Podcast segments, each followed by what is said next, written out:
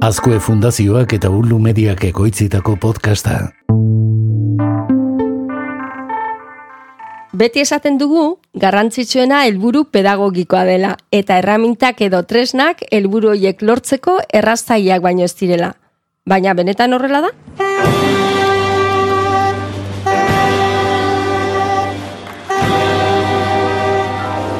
Askotan, tresnak eta hauek eskaintzen dituzten aukerak ezagutzen ez baditugu, ezinezkoa egiten zaigu jakitea zelburu didaktikorako edo zein prozesu bideratzeko izan daitezken lagungarriak.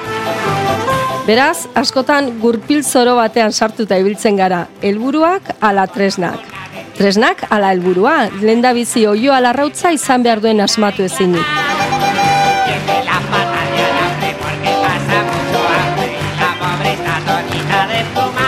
Kaixo, maite goni naiz eta hau amar minututan da.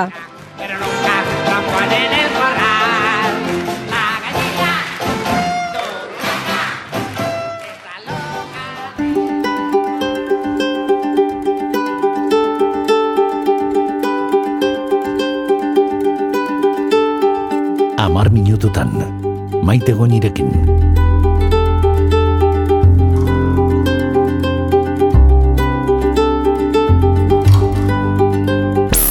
Kaixo podcast entzule, ongi etorri amar minututan podcastaren saio berri honetara. Eta kaixo zuri ere, oier, zer moduz? Kaixo, kaixo, ni ondo, ni ondo, primeran.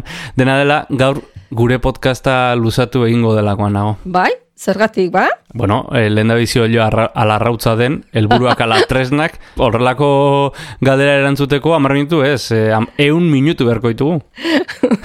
bueno, bueno, ez pentsa, ez pentsa. Nik dagoeneko erantzun posible bat bat dute, eh? Ara, eta zein da? Eh, oso azkarra zara, eh? bueno, ez hainbeste. Baina, helburu didaktikoak tartean daudenean beti helburu didaktikoa dela ondoa lehenengo ez, baina biak alabiak dira beharrezko eta osagarri. Eta biak ezagutu eta ikasi behar ditugu. Bai helburuak eta baita tresnak ere. Ah, oioari buruzari zinela uste nuen. ez, ez, ez. Gogoratu gure esparrua hezkuntza dela ez beste ez erroia. Bueno, bueno, bueno. Bueno, oioak eh, beste baterako orduan. Eh, Ordo, hori da. Guk gaur erremintei buruz hitz egingo dugu. Tresnei buruz. Eta beraien txikitasunean ere, ze gaurkoak, ba, pixka txikiak dira, ba, laguntza handia eman dezakete. gaur txikira enbido orduan. Enbido eta hor dago hier mikroaplikazio, makropraktikoak ezagutzeko prest. Prest! Bizitzatin babada ere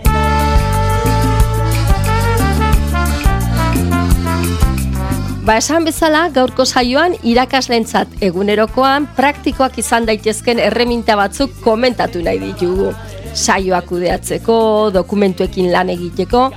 Iruitzen bazaizu oier, az gaitezen lehenengoarekin. Guazen. Ikasen behar da Bizitzatin babada Ba gure kutsatxoan irakasleok izan behar dugun bat, classroom screen izan liteke. Alegia, classroom ikasgela eta screen inglesezko pantaila.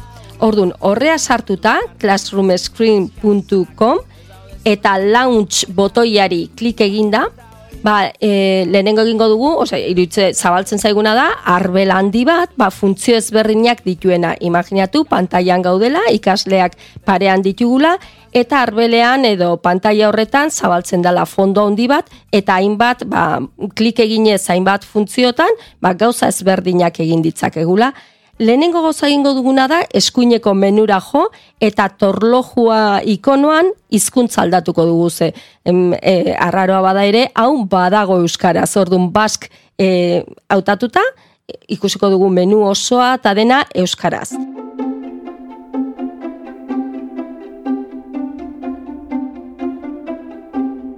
Eta zer topatuko dugu ba tresna honetan? Ba, beheko menuan, e, joan probatzen funtzio ezberdinak, adibidez. Batean dago, e, klik eginez lanerako simboloak, eta saltzen da pantaila osoan zabaltzen da, ba, isilik simboloa, edo ahopek aritzeko, edo ondokoarekin aritu gaitezkela hitz egiten, elkarlanerako ba, zarata geixio onartzen dela, orduan simbolo horiek jakinda, e, jarrita edo ipinita arbelean, ba, e, denbora guztian ikasleak badaki ba, ze modutan aritu litezken.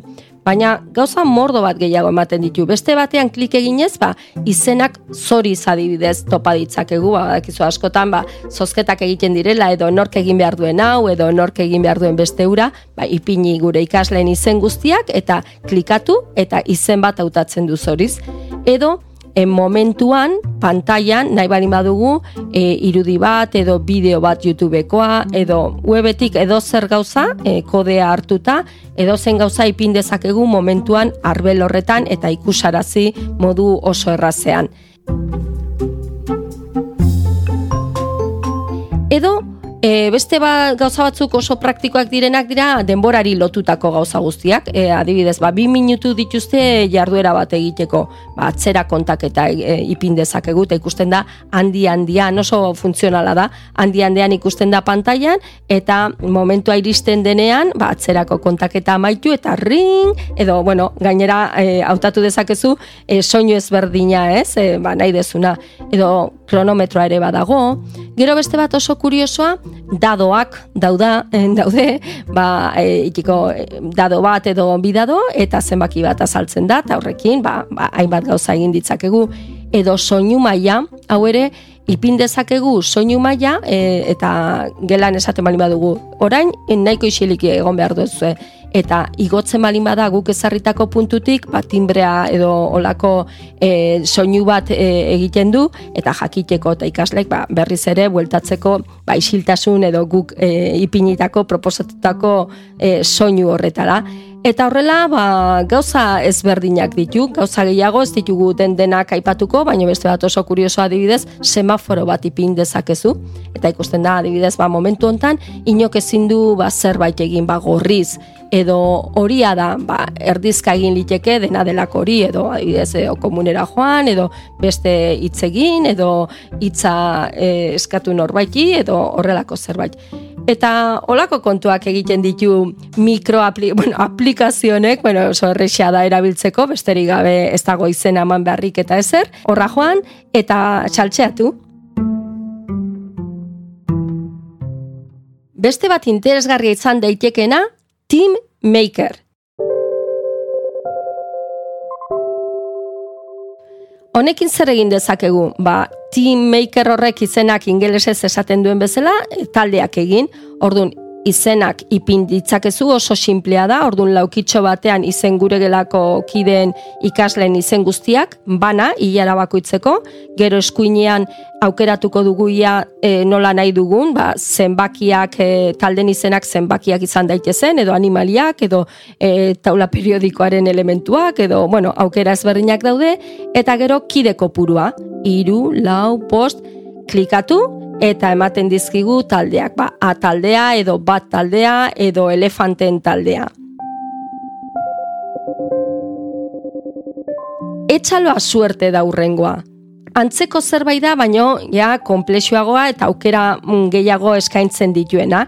Etxaloa suerte honek ematen du aukera zozketak egiteko, taldeak modu aleatorioan zoriz sortzeko, edo zerrenda batetik bat e, hautatzeko, beste bat adibidez e, jarriko bagenu, e, bi zerrenda jarriko bagenitu, ba, bat biru lau bose izazpi sortzi behatzi hamar, eta izenak e, ba, bakoitzari ba, leire, peio, kepa, bakoitzari ez lehituko lioke bat lau, leire bi, oier bat, e, maite, eta horrela.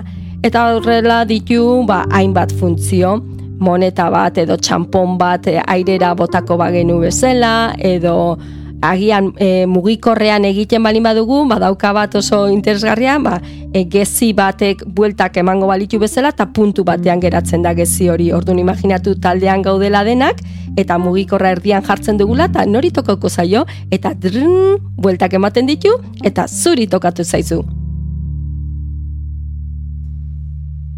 Jo maite, ze tresna politak, ez da? Bai, ez da?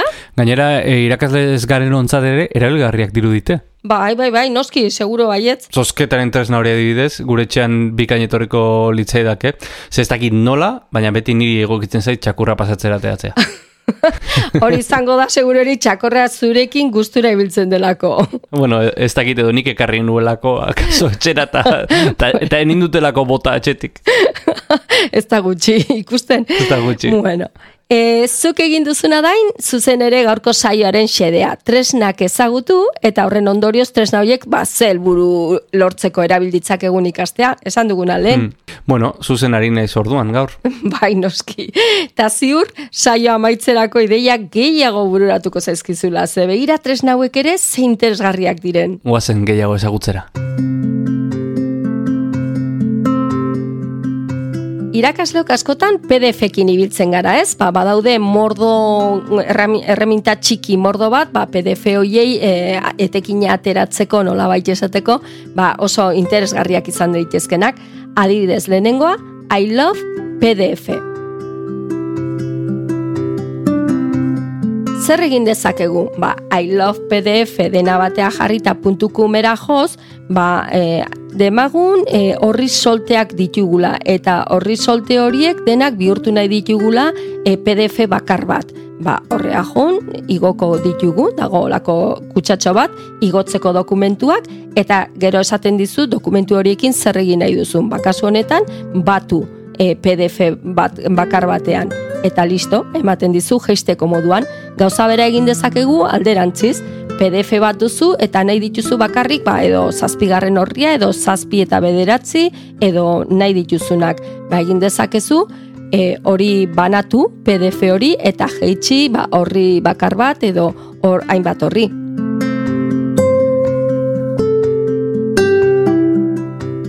Erreminta honek ere ematen du aukera PDF batetik Wordera pasatzeko edo PowerPointera edo Excelera edo alderantzizko bihurketak egiteko.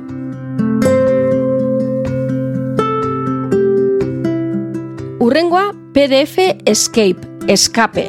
Ordun, horra jotzen balin badugu, zer egingo dugu? Ba, editatu PDF-a, editatu, ba, e, anotazioak egin, e, oharrak, e, kolorekin azpimarratu, eta horrelako gauzak, hau ere baliagarri izango da, ba, askotan etortzen zaizkigu PDF itxiak, e, eta bete egin behar dira, osatu egin behar dira, eta ez dira editableak. Ba, ona igo, gune honetara eta aukera izango genuke editatzeko, betetzeko utxuneak eta lehen komentatu ditugun horiek ba, egiteko besteak beste, ez, ematen du aukera baita gero ba, pasaitza ipintzeko PDF horri edo e, zabaltzeko, ikusteko, bueno, beste hainbat aukera ere ematen ditu.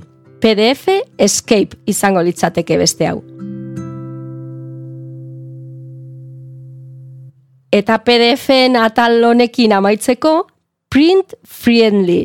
E, print da imprimatu, orduan ba, imprimatzeko erraza edo print friendly hori izango litzateke, edo zein webgune, edo zein artikulu sarean topatzen duguna, PDF bihurtzeko. Ta zertarako izan liteke baliagarria, ba, askotan hezkuntzan e, bideratu beharrean gune batera ba, propaganda pila bat edo iragarkiak daude edo zabor mordo bat, ba horiek guztiak garbitzeko, nolait esateko eta dokumentua zurian bakarrik interesatzen zaigun testuarekin helarazteko ikaslei zer egingo genuke. Ba, e, bi aukera ditugu joaten balima gara webgune honetara eta e, gune horren nahi PDF bihurtu nahi dugun gune horren helbidea jarrita goran, ba beak emango digu aukera webgune horretan dagoen elementu osagai guztiak e, editatzeko, hau da, kentzeko eta bar.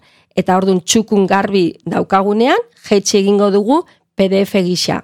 Beste aukera bada, nabigatzailerentzako luzapena, honek badu luzapen bat, gehitu dezakeguna gure nabigatzailean, nik horre- horrela erabiltzen dut, egi esateko, eta orduan behar dudanean, edo zein webgunetara noa, egiten, dit, e, egiten dut klik ikono horretan, eta beak egiten didana ba, lehen kontatutakoa. Editzatzeko moduan ipintzen du, garbitzen dut, eta gesten dut garbi-garbian.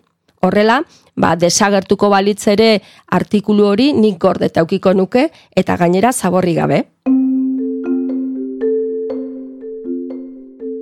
Irudiekin, irudiekin ene askotan tokatzen zaigu gauzak egitea, ez? E, batez ere, e, gurea bezalako e, ingurune batean hezkuntzan, ba, ikasleen argazkiak, ume txikienak, eta askotan behar izaten dugu pixelatu aurpegi horiek, ba, nahi bali badugu face pixelizer, face pixelizer idatzita, eta horra junda e, gune horretara ematen digu aukera igotzeko nahi dugun argazkia eta gero ezkerreko menuan ba hiru gauzatxo daude edo ak- aurpegi hori pixelizatu badakizuela ukitxo txikietan eta ipini eta horrela ikusten ez dala antzemat ez dala zein den pertsona argazki horren atzean dagoena edo bestela baita blur e, aukera dala ba bueno lausotzea aurpegi hori. Hau ere oso baliagarria gertadakiguke eta ari horretatik ba, fondoak kentzarena, nahi asko gustatzen zait aplikazio hau e, adimen artifiziala erabiltzen du, ba, fondoak kentzeko. Demagun argazki zoragarri bat duzula, baina ez duzu nahi atzeko planoak edo ikustea. Remove backgrounda. Eta e, bilatzeko interneten remove BG. BG. Remove BG horretara joan, gauza bera, igo, daukagu igoz, nahi duzun argazki hori igotzen dugu argazkia, eta segundu batzuetan egiten duena da fondoak kendu, ordun berriz jeitsi dezakegu argazki hori, baino fondorik gabe. Oso baliagarria argazki hori edo pertsona hoiek edo elementu hoiek daudenak argazki horretan, ba beste edozein planotan kokatzeko.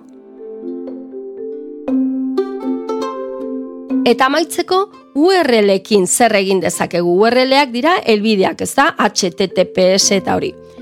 Bat, ezinbestekoa guretzat eta, bueno, edonorentzat labur.eus. Zer egiten du honek? Ba, edo zein elbide luze, luze, luze, horietako bat, ba, laburtu. Eta gainera ematen du aukera, gu, joango ginateke labur.eusera, kutsatxo badago, hor kopiatuko itxatxiko genuke elbide luze, luze, luze hori, eta geziari emanez ja laburtu elin- egingo liguke, ba, automatikoki berak nahi duen e, laburpena egingo luke. Baina badago beste aukera interesgarri bat, ba, pixka beraxio, eta hor e, guk hautatu dezakegu gure helbidea nola geratuko litzateken laburtua, adibidez, labur.eus barra oier jar dezakezu, eta oier bat, oier bi, oier hiru, ba, hainbat gauza helarazteko jendeari hori klasean oso praktikoa da, ze askotan, e, joan zaitezte, eta, kao, ze duzu, joan zaitezte HLM-eño, genuke inoiz bukatuko, ezta? Ordu, joan zaitezte labur.eus barra maite bi, eta hori oso erresa da, eta ikasleak oso errez sartzen dira horretara.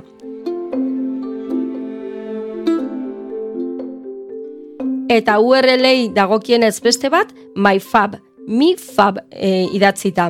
Eta honek egiten duena da hasierako horri bat sortzen du gure favorito guztiekin. Ordun besterik gabe joango ginateke ipintzen ba, gure favorito guztiak edo adibidez hauek guztiak esan ditugunak banan-banan helbide guztiak eta horiekin guztiekin ba hasierako horri bat sortuko digu. Beste bat erabiltzen dena asko hezkuntzan edo orain arte asko erabilideana sinbalo izan da. Honek ere gauza bera egiten dizuen, laukitxoetan eukiditzakezu eskura, ba, egunero egunero erabiltzen dituzun esteka horiek.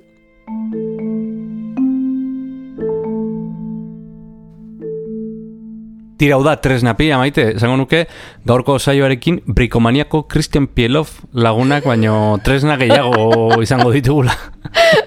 bueno, bai, oier, bueno, baina hori zen gure asmoa, eh? Gure asmoa hezkuntzarako helburuak lortzeko, ba, ze tresna dauden ezagutza izan da, bueno, hezkuntzarako zati txiki baterako, eh? Daude, milioika daude, gero, bakoitzak eta ba, nahi duen bezala erabiltzeko. Hori da, eta e, agian erabilera berri batzuk asmatzeko, ez, tresna horientzat. Hori da, erabilera berriak asmatu edo da proposamen berritzaileak sortzeko, zergatik ez? Magiber bezala.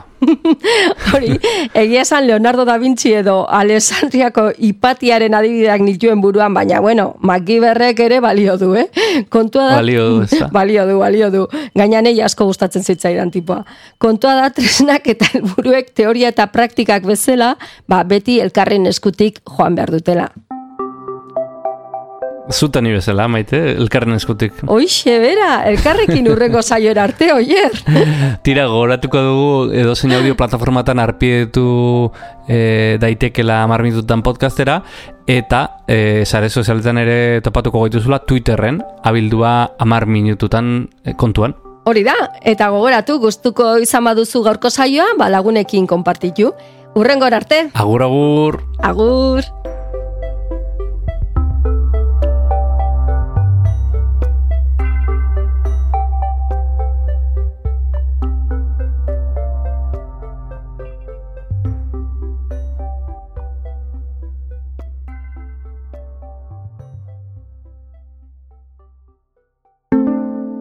Azkoe fundazioa. Ei, txt, entzun hori. Ulu media.